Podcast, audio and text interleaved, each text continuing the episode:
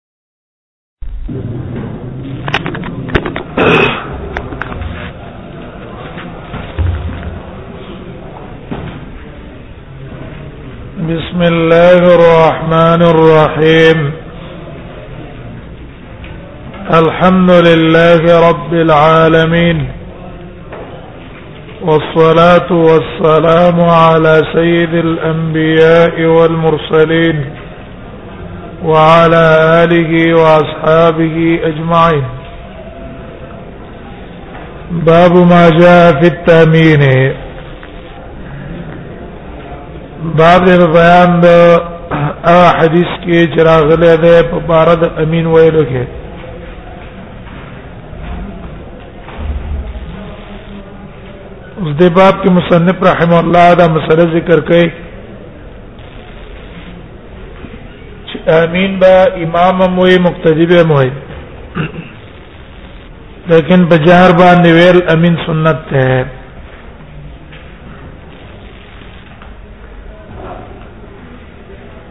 د وائل ابن حجر رضی الله عنه روایت ته قال داوای سمعت النبي صلى الله عليه وسلم وما ده نبی صلی الله علیه وسلم نو اورید قرأ غير المغضوب عليهم ولا الضالين ویل استلو دا آیات غير المغضوب عليهم ولا الضالين قال آمين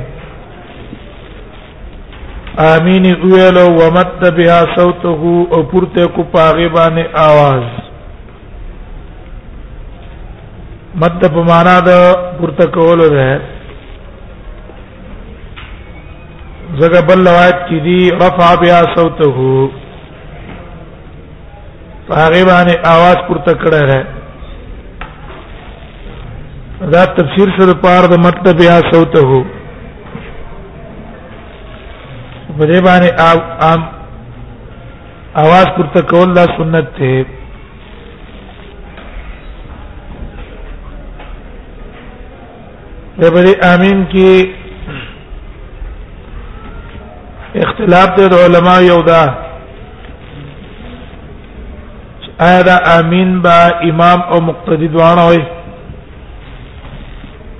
او که صرف مقتدی به وي امین به نه وي دا یو اختلاف دی علماء منځ کې زم اختلاف په صفت کې ده چې کله امین امام وي نو آیا دا امین به امام په جهر وای که په پټه به وای نو دریم چې مقتدی امین وای نو مقتدی به امین په امام په سرستو په جهری مانزه کې په پټه وای که بخکار باندې به وای دا درې مسلې تقریبا د باب سره متعلق دي او چون کې په دې احادیثو کې دلایل یو بل کې مشترک دي دیو جنا دا درېونه مسائل د دې سره ثابت دي اول قول هغه دا دی چې امین بعد جمهور علما قول ده او دا یو روایت ته د امام مالک نه هم کوم چې مصری علما دي مصریین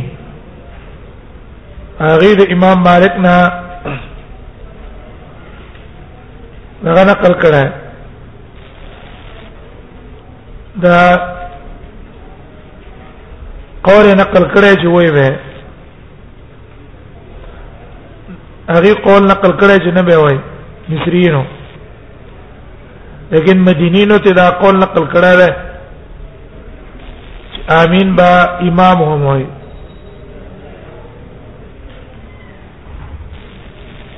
جمهور علماء مذهب دا ده امین به امام هم وای مقتدی به هم وای او د امام مالک نه یو روایت نقل لای ابن القاسم د امام مالک نه نقل کړه او یو روایت د امام ابو حنیفه نه هم نه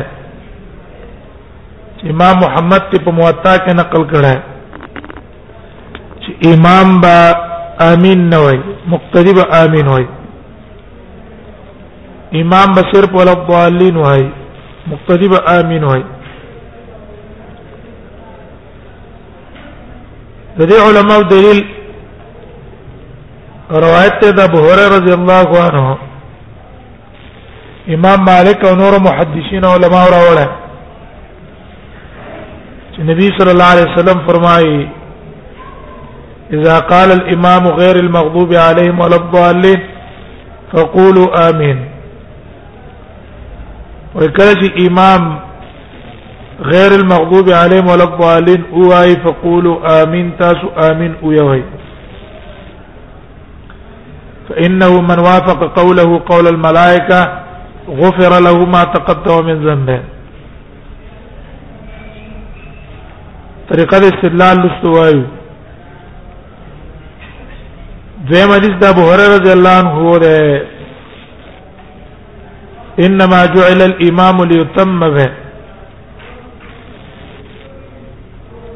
نو پای کې دی فإذا قال غير المغضوب عليهم ولا الضالين فقولوا آمين دا روایت ابو هريره متفق علیه ده بخاری او مسلم راوړه طریقه استدلال دا دا چې ګور دلته نبی صلی الله علیه وسلم تقسیم کړه او ما بین د امام او د مقتدی کې امام به ورب ضالین وین فقولوا امین تاسو امین وای ودا دلالت کوي په تقسیم باندې لیکن دیم قول جمهور علما ده هغه چې امین به امام هم وي مقتدی به هم وي او جمهور په ډیرو احادیث باندې استدلال نه ولای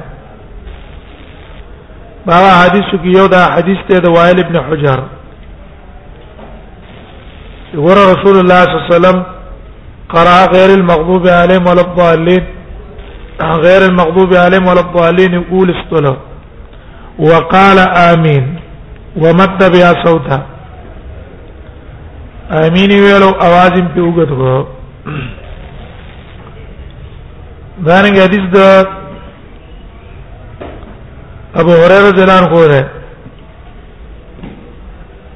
رسول الله صلى الله عليه وسلم اذا قال الامام وامام چې غیر المغضوب عليهم ولا الضالين وای تاسو امين وی وی فان الامام يقولها دغه امام امين وی هر حدیث د بلال له د وائل د حدیث د بلال نه چې نبی صلی الله علیه وسلم ته ویل لا تسبقني بامين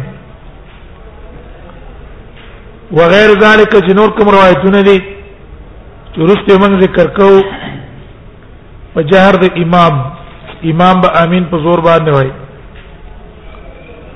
دا ټول مستدلات چې په اړه د جمهور امین ویلو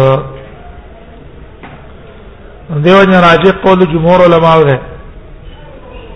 امین به امام هموي او امین به مقتدی هموي او د جمهور علما قول چې مونږ غوړه کو چیرې امام به امین وای نو د دې خپل منځ کې اختلاف دی د علماو آیا دا امین با په کوم صفت باندې امام وي په پټه به وي او که جهر به کوي پټه ویل پکار دي او که جهر ولا کول پکار دي دا اختلافي مسله د علماو منځ کې یو قول جمهور محدثین نه لپاره کې مالکیان هم دي امام شافعي هم ده امام احمد هم ده داوود هم ده داوود ظاهري او دا قول د صحابو کې دا بورر ده هونه هم نقل له صراحه د عبد الله ابن زبير نه د دینم نقل له دی غره دا دا امام کله جهري مونږ کاو نو په جهري مانځ کې د پاره امين په جهر باندې ویل دا بهتر دی امين الله په جهر ویل بهتر دی دی استدلال نیولای دی د پار د افضلیت د جهر چې دا جهر سنت ته دا افضل نه نو یې استدلال نیولې ده په حدیث ده ده باب قرا غیر المغضوب علیهم ولا الضالین قال امین ومد بها صوته یا رفع بها صوته یو روایت یې رفع بها صوته دې روایت کې دي متبع صوتها بل روایت کې دي يجهر بها نبی صلی الله علیه وسلم په زور باندې ویلو بل روایت کې رفع صوته بآمين وطول بها رفع صوته بآمين وطول بها نبی صلی الله علیه وسلم خپل आवाज په امين باندې پورته کړو هو طول بها د وګدو ویلو په دې استدلال نه ولا دویم استدلال نه ولا په حدیث د هرره رضی الله عنه كان رسول الله صلى الله عليه وسلم اذا فرغ من ام القران ونبي صلى الله عليه وسلم مجد ام القران نفارق شو رفع بها صوته رفع صوته فقال امين د رس امام ترمذی مت اشاره کړی دا او فی الباب ان علی و ابي هريره و امين به ویلو ورفع بها صوته आवाज به پورته کو رفع صوته فقال امين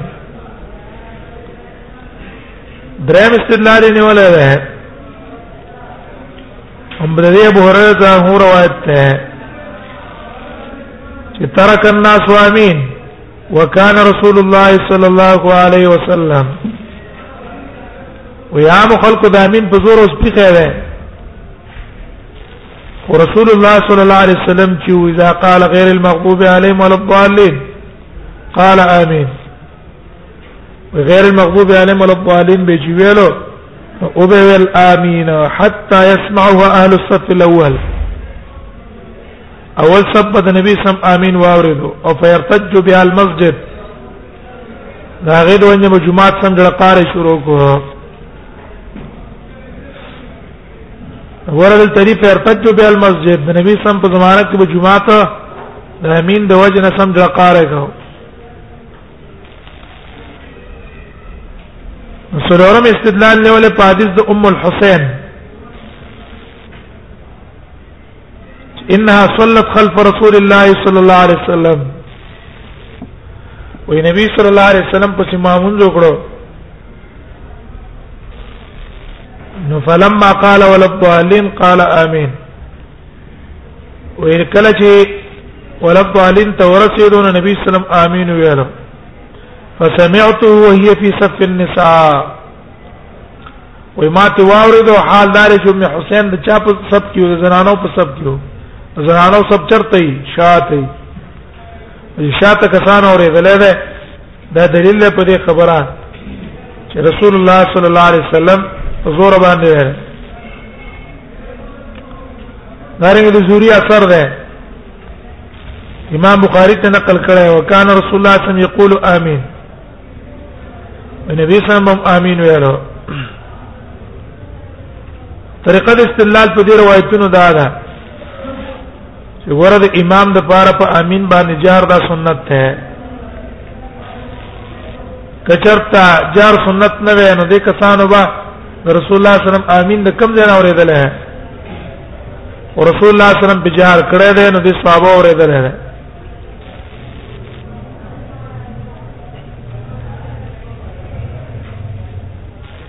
دې نه معلوم شو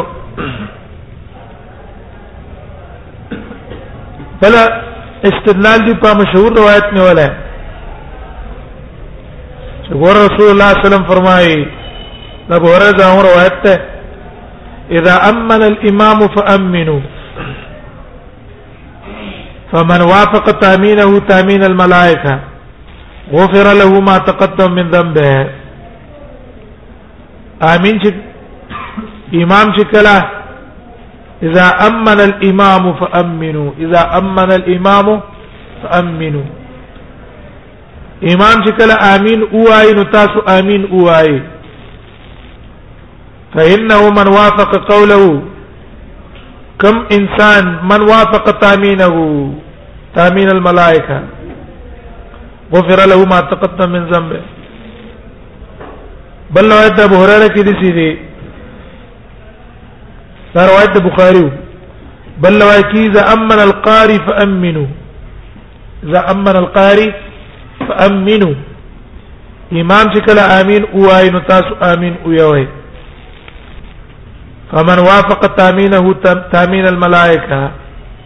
غفر له ما تقدم من ذنبه زګر چا امین د امین د ملائکو سم موافق راغې مخکینو ټول ګناهونه بل الله ته تمام شي طریقه د استدلال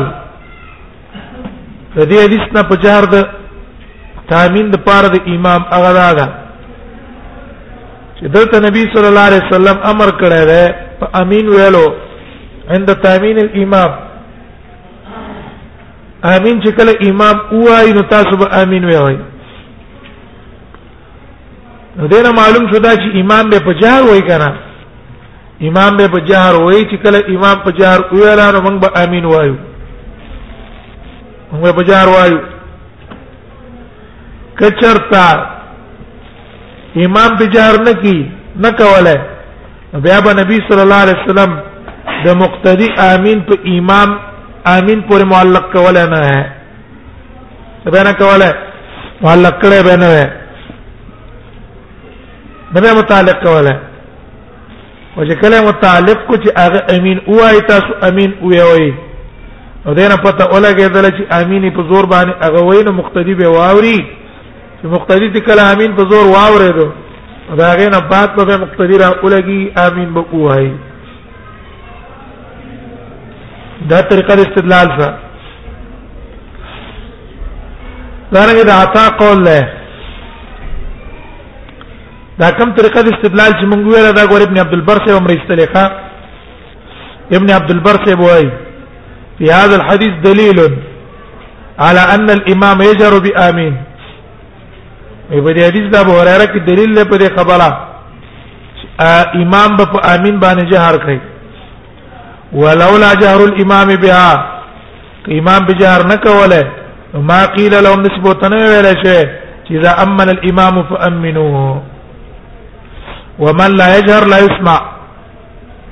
زړه جار نه کې دا خبره نه اورېدل کیږي ولا يخاطب احدا بحكايه من لا يسمع قولها ولا يخاطب احد وچاته خطاب نه کیږي په حکایت دا هغه چا چې دا قول نه اورېدل کیږي دا چا قول نه اوري او تا ته خطاب وکړي چې شابه ته پاغه پوښي دا بل مشهور دلیل عطا ابن ابي رباح قول له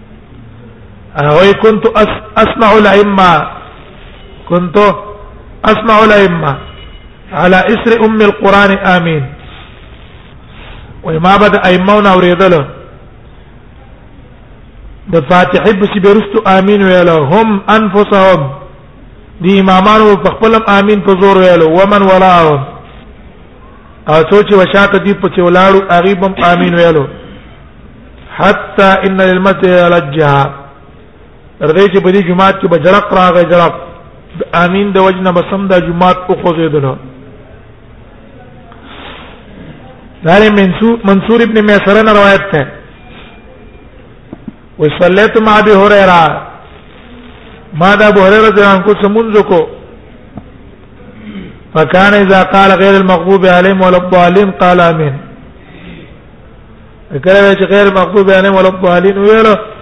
امین به ویل حتا یسمعنا ويؤمن من خلفه وي تر دې چې دبا د امین من تر واورو د دنه بشاته څو کولاړو اغه ټولو به په امین ویلو د په امین باندې به بجار کړه او د عبد الله ابن زبیر روایت تاسو ویلې دي امام بخاری ته نقل کړی دی اما ابن الزبير فامن من خلفه حتى ان المسجد لجا عبد الله ابن زبير امين ویلو تر دې چې رستنو خلکو پاغه باندې امين ویلو تر دې چې جماعت کې سم ډړقاره راغی دغه دا اثر نو معلومیږي چې دا په امین بالجار باندې اجماع ده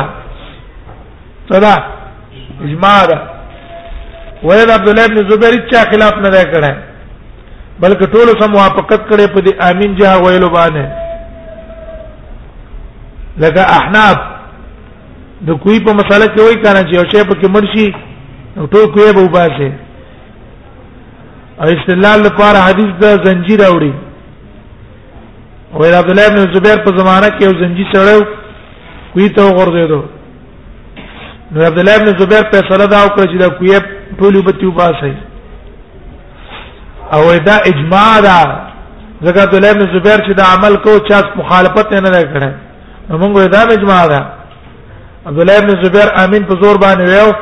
او جمعات کې په ټول خلکو امين ویو او یو ځل نه دو ځل نه درې ځل نه هر ورځ پنځه درې ځل دا کار کاو او هیڅ چا به مخالفت نه کړه دا یو قسم نوع اجماع شو په قول احناف دویم قول هغه دا ده خبره ګوره د امام د امام مخکې موږ درې مسلې دي کنه اوله مثلا وکړه بیا مسله کې رواني چې امين با امام وي خو په پټه به وي که په ښکارا به وي نو او حدیث کې مسله د امام سره دا قال امين ومتبع صوته امام مسله روانه ده رسول الله صلی الله علیه وسلم امام نه دیم قول لا چې لا یجر بالتامین امین به بجار باندې نه وای بلکې د امام لپاره سنت طریقه دا ده چې امین ځان ته په پټ باندې وای دا قول د امام بنفا او مشهور قول د امام مالک او یو روایت د امام احمد نه هم ده او دا عطا ابن ابي رباح نم یو قول نقل له سفیان ثوری نم ابن جرير الطبري نه او دا قول نقل له عمر نه هم د علي نه هم عبد الله ابن مسعود رضی الله عنه نه هم دینم دا قول نقل له امین په پټه ویل امام له پکار دی دی علماء استدلال نه ولا هم په دې حدیث د وائل ابن حجر وائل ابن حجر روایت کړي امام ابو داود ته اشاره کړې امام ترمذی دا غي سند راوړل چې هغه پر روایت شعبه ده شعبه شعبه چې دا روایت نقل کړی دی د سلمہ ابن کوهیل نه دا هغه پر روایت کې دا دی ان النبي صلى الله عليه وسلم قرأ غير المغضوب عليهم ولا الضالين فقال آمين وخفض بها صوته وی نبی صلی الله علیه وسلم پاغه باندې आवाज کته کو وینه معلوم شو چې امين په پټه ویل دي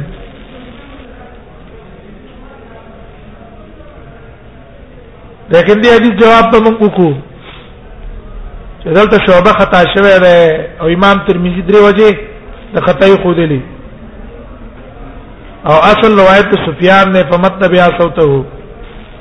شعبہ روایت په دې کې قوی نه ده کمزور ده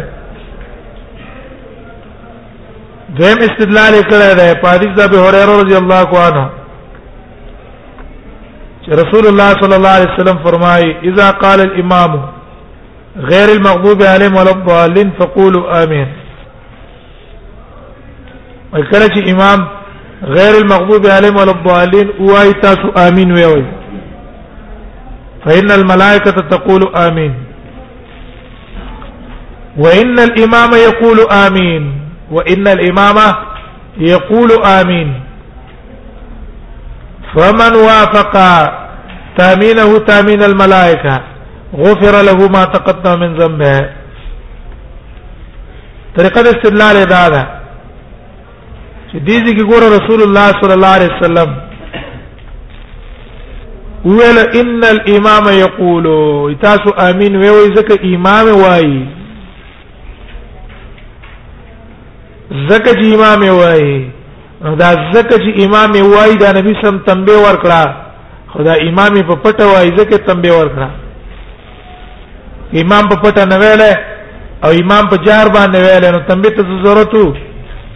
تنبیه ته به ضرورت نه هیڅ پیدا پکې نه و او دینه معلوم شو چې امام په پټه وای ځان سره نو نبی صلی الله علیه وسلم مقتدیانو ته خبر ورکو چې ګوره امین په دې ټیم کې امام وای نو تاسو ویوي نو که چرته امام امین په جار باندې ویله او مقتدیانو اوریدله نو بیا تنبیه د نبی صلی الله علیه وسلم ته ضرورت نو چې نبی صلی الله علیه وسلم ته دا ویله فإن الامام یقول په طریقه د استدلال لري حدیثنا دریم استدلال دی ولا ده چې ګوروي امین دعا ده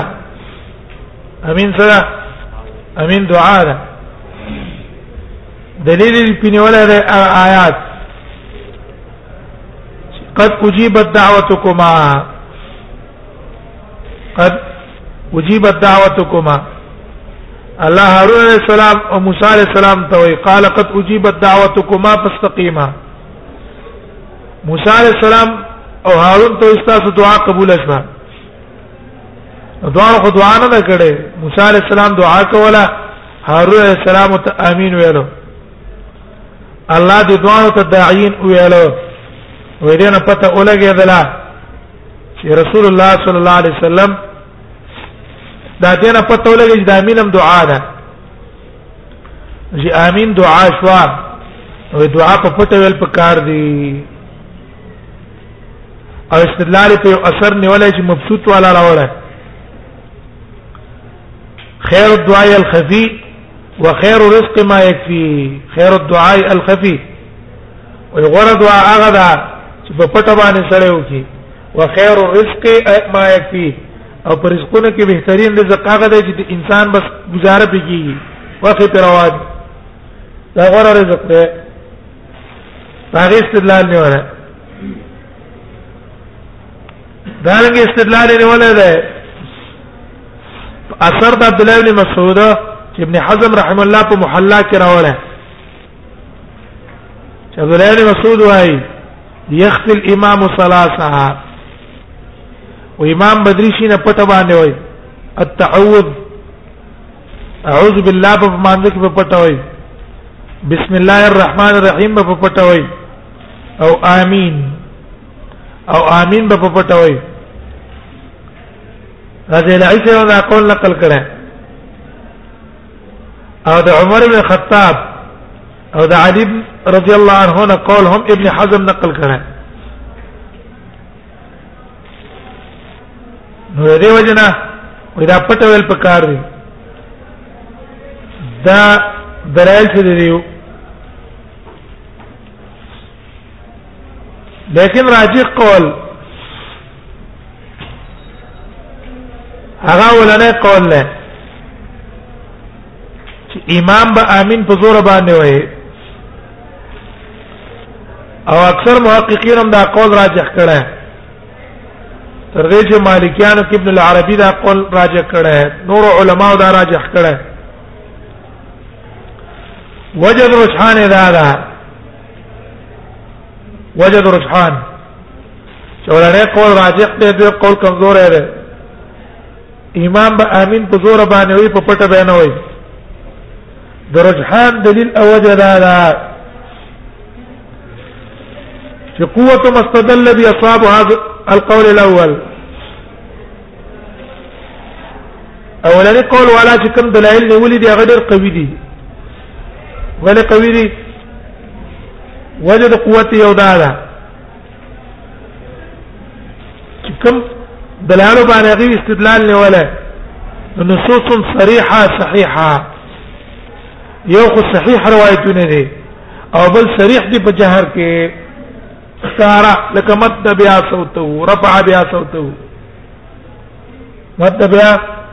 صوته رفع بیا صوته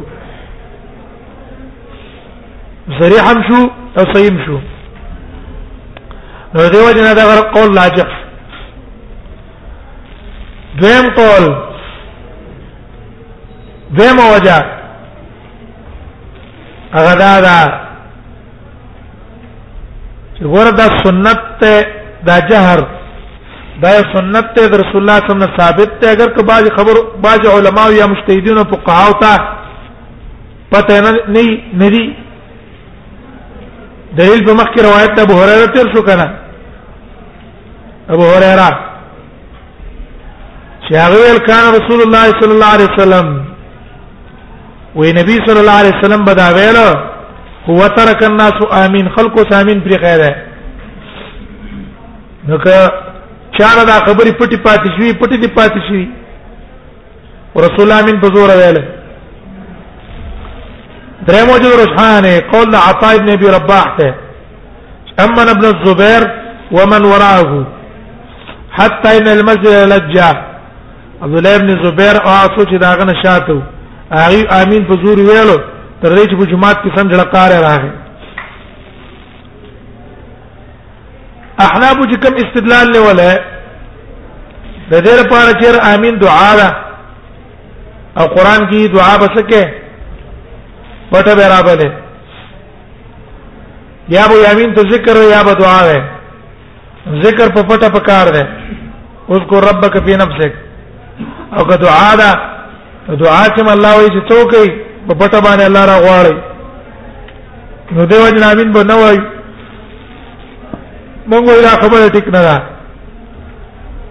اخفاء د دعا افضل ده د دې د وجنه چې په ښکارا دعا کې شریک ریا راځي لیکن کم دعا چې کم تعلق لري د مونږ د جمع سره نو پای کې اشهار شهرت او اظهار پاږي کې خده پای کې اظهار خده پای کې غوړه ده دیو جن غوړه الحمدلله رب العالمین دعا ده کنه ده رسول الله صلی الله علیه وسلم ویلي افضل الدعاء الحمدلله رب العالمین ده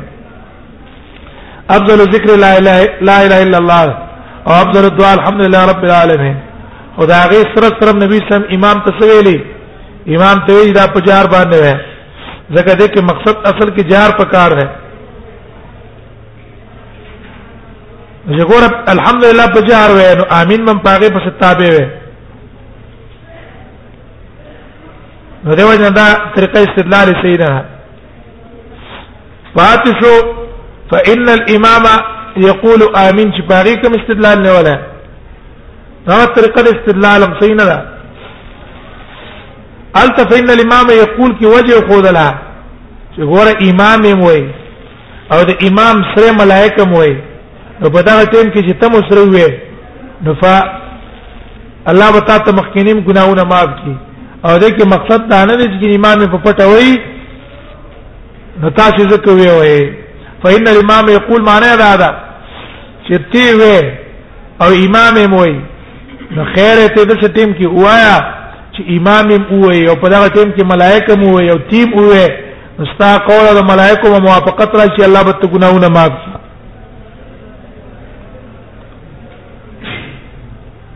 نو دیو جن راجح دا دی چې امين با امام په جار باندې وای کار به وای درېمه مسله هغه د مقتدی متعلق ده ما غته جمین کی درې مسلې دي د کی چلےږي اگر کدل ته حدیث صرف د امام سره تعلق لري امام سره امام با امین په جار باندې وای ها مقتدی د پار امین آیا په جهر په کار دی که په پټه په جهري مانځ کې سری مانځ کې خو امین وای ځان ته پټه ځکه امام امین اورینا ځان ته فاتحه وای ځان ته په ځای په غزه کې امین مو وای لیکن جهري مانځ کې در پر امين دا بجار باندې سنت ته کو پټه یو قول لا دې چې امين به بجار باندې وای دا مذهب دې جمهور علماو چې باقي امام شافعي هم ده پاسه قول امام احمد هم ده امام مالک هم ده او دا د تمام محدثینو مذهب دی اهل ظواهر مذهب هم نه امین با جار باندې وای مقتدی دی استدلال نه ولا ده د پار د جار د مقتدی حدیث ابي هريره رضی الله عنه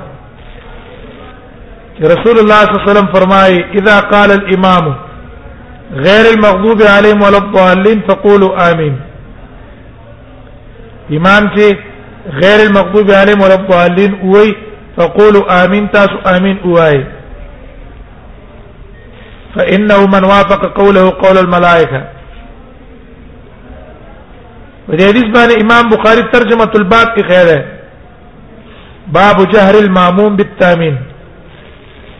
باب باندې دې کې چې مقتدی به امین په زور باندې وای په پټه بیان وای او دا حدیث راوړل دی طریقه استدلال امام بخاری څنګه دا ابن المنیر سے بوای حافظ ابن حجر فتح الباری کې ابن منیر قول نقل کړه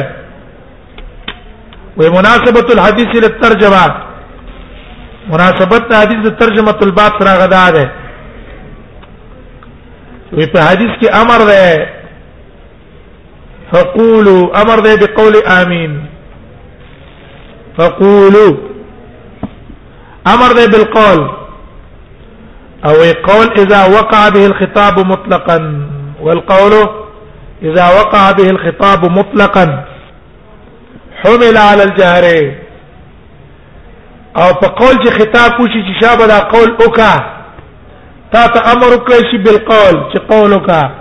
مطلقا قید مت پکې ونه لګي دینه مراد څه وی جاهری چې تبه دا خبره په جهر باندې کې په پټه بیان کې ځکه شی چې مطلق ذکر چې سر په کامل ته کی کنه نو کامل صورت په قول کې څه ده هغه په جار ده او ومتا اريد بالاصرار او کله اراده پای باندې پټویل او حدیث سنت په سیاد قول نه مراد د زړه خیالات او تصورات دي بیا سی قید بذالک التب التقیب لګیږي تدا قول په پټه او کا یا ستا په نفس کې دا خبره رااله نو دینه پته ولګېدله چې فقول مثل ما یقول معنا دا چې په جار باندې به کې په جار باندې به کې او ابن رشید را لګېدله هغه امین بالجار دې حدیث نه استلره یو دا وي ګوره دې حدیث کې دي اذا قال الامام فقولوا ويدلت الله دا دلته رسول الله صلی الله علیه وسلم قول د مقتدی په امین مقابل کو په قول د امام فقولوا مثل ما يقول اذا قال الامام فقولوا د قول د مقتدی مقابل کو په قول د امام او امام خدا الله امين په سبانه وي امين په جهر باندې وي په جهر نو دلته مقصد ام دقه دا تقابل کې مقصد اصل کې په قول کې نه دی بلکې مقصد تقابل په صفت کې دی په وصف کې دی تقابل په څه کې مقصد دی په وصف کې چې فقولوا مثل ما يقولوا فقولوا مثل ما يقولوا هغه چې څنګه وای چې په کوم صفت هغه وای هغه په صفت د جهر باندې وای د وجه د مخکنی او احادیث نه چې مخکې ثابت شو رفع بیا صوته مت بیا صوته دا مختلف هم اق صفت باندې دا امین وای دا یو طریقه د استدلال شو دیمه طریقه د استدلال دا ده چې ګور دلته نبی صلی الله علیه وسلم مقتدی ته امر وکړو باتباع الامام تبع الامام څخه اتباع بک اقتداء بک فقول مثل ما يقول تبع اقتداء امام کې امین کې او مخکې تیر شو امام به بسم الله په سبا نه وای دا امین به په جهر باندې وای امام به امینه په جهر باندې وای ذکر امام امین په جار باندې وای نو مقتدی بم اقف اقتدا کوي په جار باندې به وای دیو جن جار په لازم درېمه طریقه ول استدلال لا ده چې ورته دی فقولو فقولو نبی صلی الله علیه وسلم مطلق قول کړه د په جار او په غیر جار مقید کړه نه ده چې په پټه وی وي یا په کار باندې وی وي دغه مطلق ده را اوبلګيږي چې امام په کوم صورت باندې کړه ده بس دا به په صورت او په شکل باندې کوي دا طریقې استدلال شي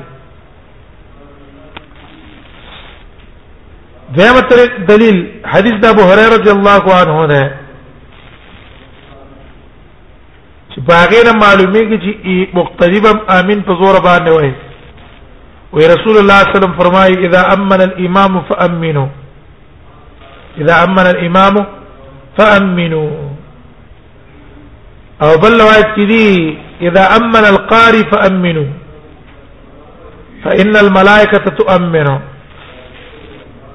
طریقه استدلال مخکې وکړه کنه وګوره تبا امين وې او مکه شان چې امام په کومه طریقه باندې وای امام په جار وای ته مکه سي جار باندې وای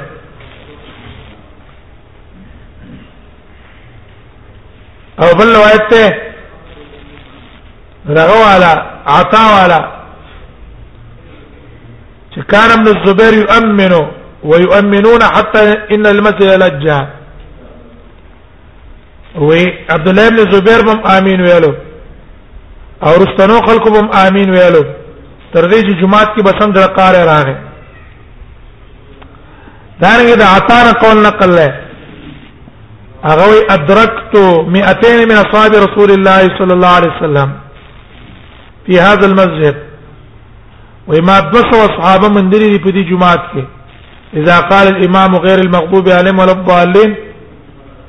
چې امام با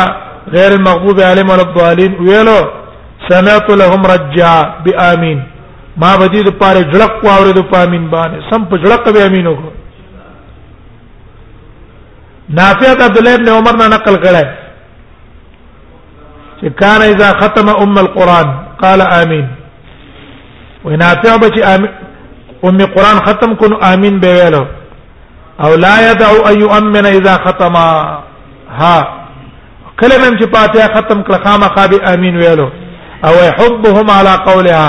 او دي ته يم تاجي ور تاجي ور کوله چې تاسو ما امين په زور ویوي دي باندې استدلال نه ولا چې دا ټول دلالت کوي په دې چې مقتدی به په جار باندې وای دویم قول هغه دا چې مقتدی به په پټه باندې وای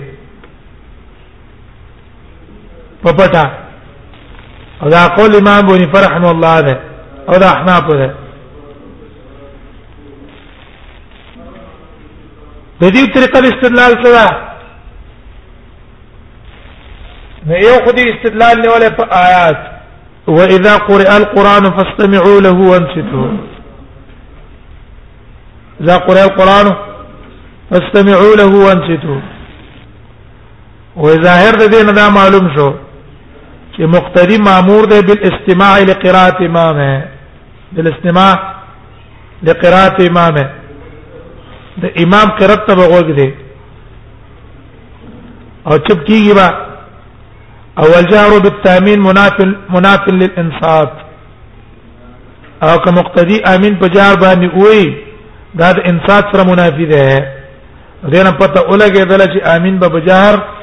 مقتدی نه وي دیم استدلال نه ولا پادیس د ابي هريره اذا امن الامام فامنوا واذا امن الامام نو معنا دا ده چې کله اراده وکي امام د امين تاسو امين وي وي وی ولی وی وجه دا چې ګوره د حدیث کې دی اذا قال الامام ولا الضالين فقولوا امين فان الامام يقولها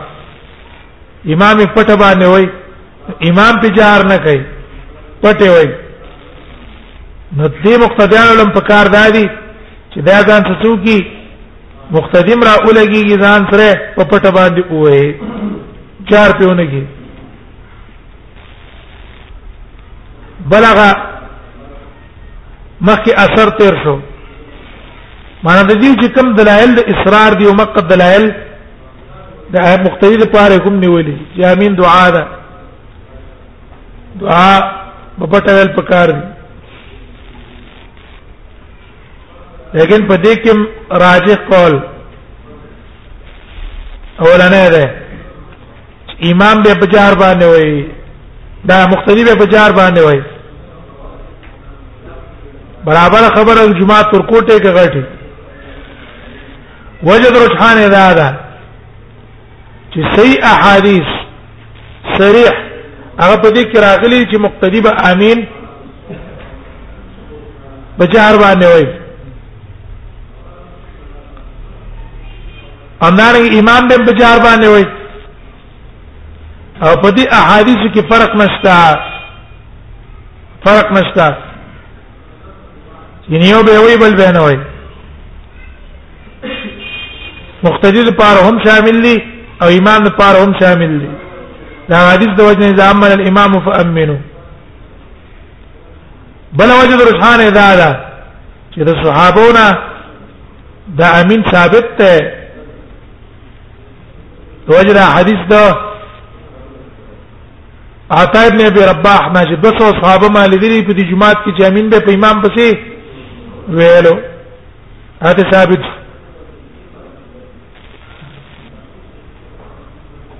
دا ول دلیل له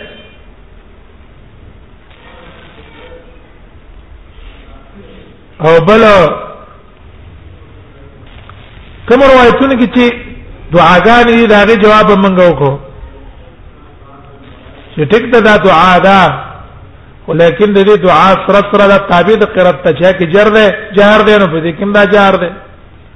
هغه تابع شو نو راجی قولم دا شو امام بم امين په جار وای او مقتدی بم امين په جار باندې وای دا راځي قول له تر دې چې احناف علما محققین په احناف کې هغه هم دې له ترجیح ور کړې امين په جار باندې دا بهتر ده یو سره امين په زور باندې وای معنی مقتدی لم امين په زور پکار دی او امام د پارم امين په زور پکار دی احناف کې محققین علما دا قول راجح کړي چې په احناف کې شعای والا هم ده هغه عبد الحی لکنوی صاحب هغه سعایه لیکلې هغه سعایه کوم ترجیح ورکړې دم دیلا دله ترجیح ورکړې اندارنګ دا هغه شرع ده په موطا د مالک موطا د مالک باندې شرع کړې نو پاګې باندې ترجیح ول دا ورکړي چې احادیث د رفع الیدین ودا سړي دا قوی دي په تعلیق المجد کې وای احادیث در په لدین دا قوی دي اغیم دا ترجیح دی لور کړی دا چې دا قول راجح ده نو ترجیح ور کړی لا دا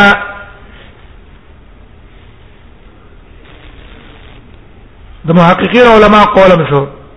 نو امين په جار باندې دا به تر چې سره په جار باندې امين وای امام به هم په جار وای او مقتدی به هم په جار باندې وای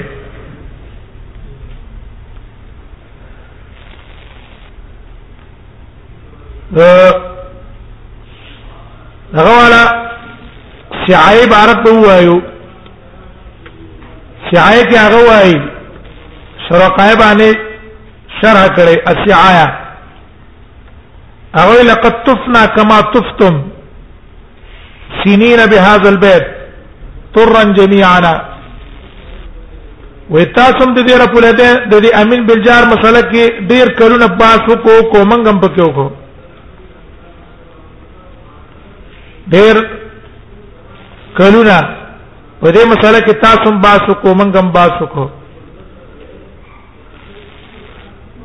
فوجدنا بعد التامل والامعان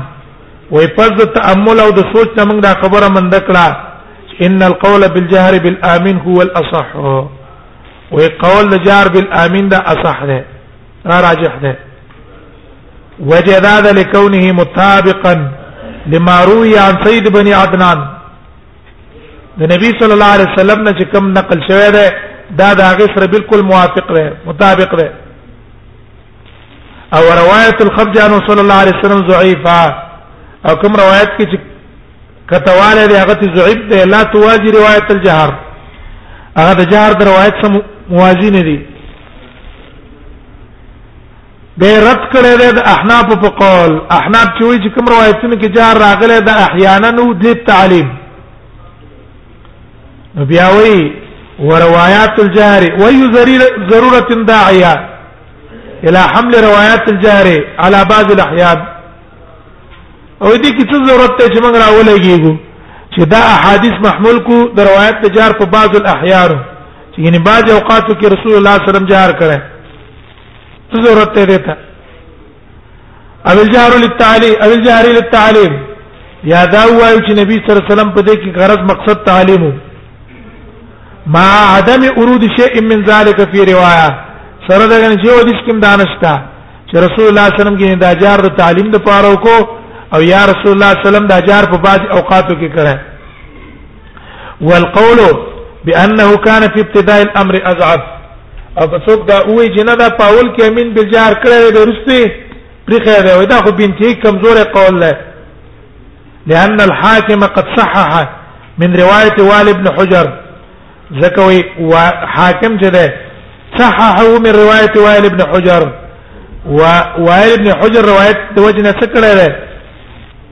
صحیح روایت دا راوړی دی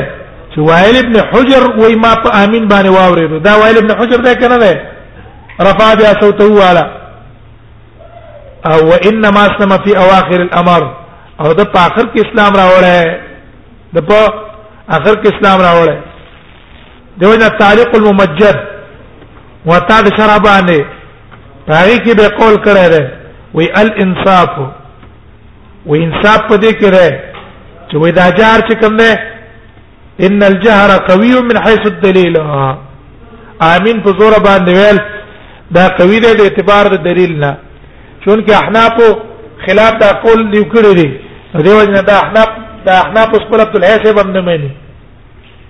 غلای څه نه کوي دا اکثر مینی نه ویرا دا څوک له دې سوې ځان ته څه ویلو په احنا په کسان اور منډه ده هو جدار چې محدث ته احادیث سره چری واسطه راشي به د مذهب نه ونه تاثر به نه اخلي کنه حق خبره ته ترجیح ور کوي دا خبره راجح شوه وقال امين ومد بها صوته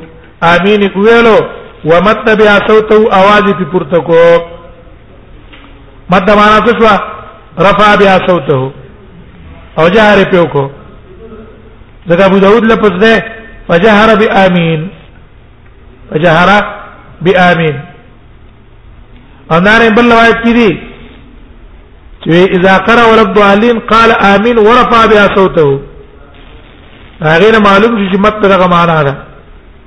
وفي الباب عن علي وابي هريره وي په دې باب کې د علي رضی الله عنه روایت ته د ابو هريره نقل ده د علي رضی الله عنه روایت امام حاکم راوړل لفظ دې سمعت رسول الله صلی الله علیه وسلم یقول امين اذا قرأ غير المغضوب عليهم ولا الضالين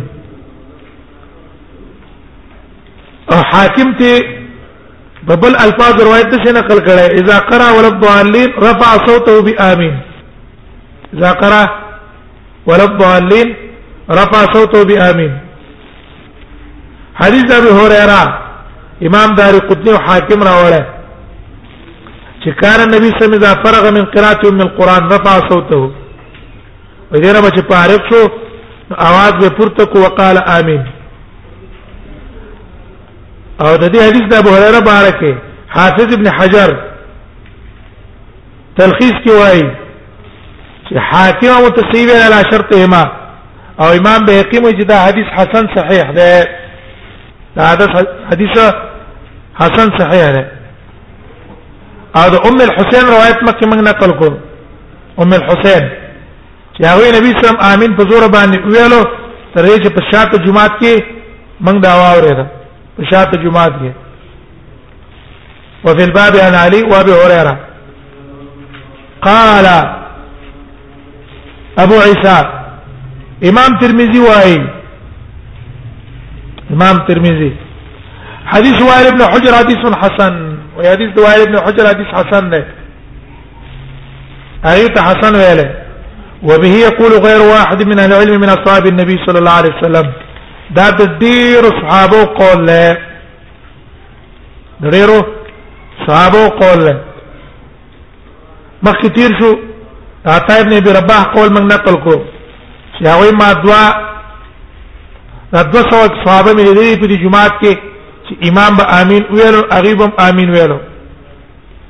او امر ابن الزبير فامر من خلفه حتى ان المسجد لجا وجمعات کې بسن جړه کار راغی او مخکې مونږ ویل چې د احناف د قول مطابق دا سن اجماع شو کنه ولی په حدیث د بیر کې د زنجیر په سره د عبد الله ابن زبیر اجماع غني حضرت عبد الله ابن زبیر عبد الله ابن زبیر په محضر د صحابه کې امين ویل اچا په خلاف نه کړه دې تم اجماع ول پکار دي وبي يقول غير واحد من العلم من اصحاب النبي صلى الله عليه وسلم والتابعين ومن بعدهم او کسان چې دیو نرستو دي دې ټول را ادا ده امين پجار باندې يرونا دیو